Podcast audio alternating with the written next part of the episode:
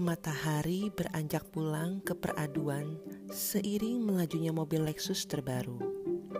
Tiara dalam perjalanan pulang setelah lelah dengan ratusan artikel dan jutaan laporan yang harus dipelajarinya.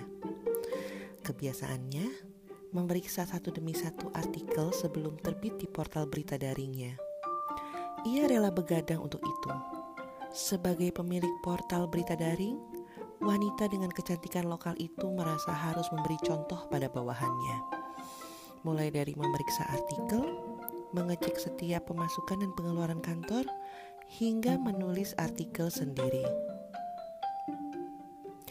Perempuan tinggi semampai itu berpikir keras sambil menyetir mobilnya, dan ia masih terpikirkan pesan di Instagram.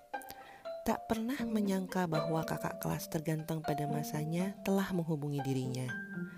Idola wanita satu sekolah, termasuk dirinya. Tiara mengingat kembali profile pictures pada akun Bounty saja.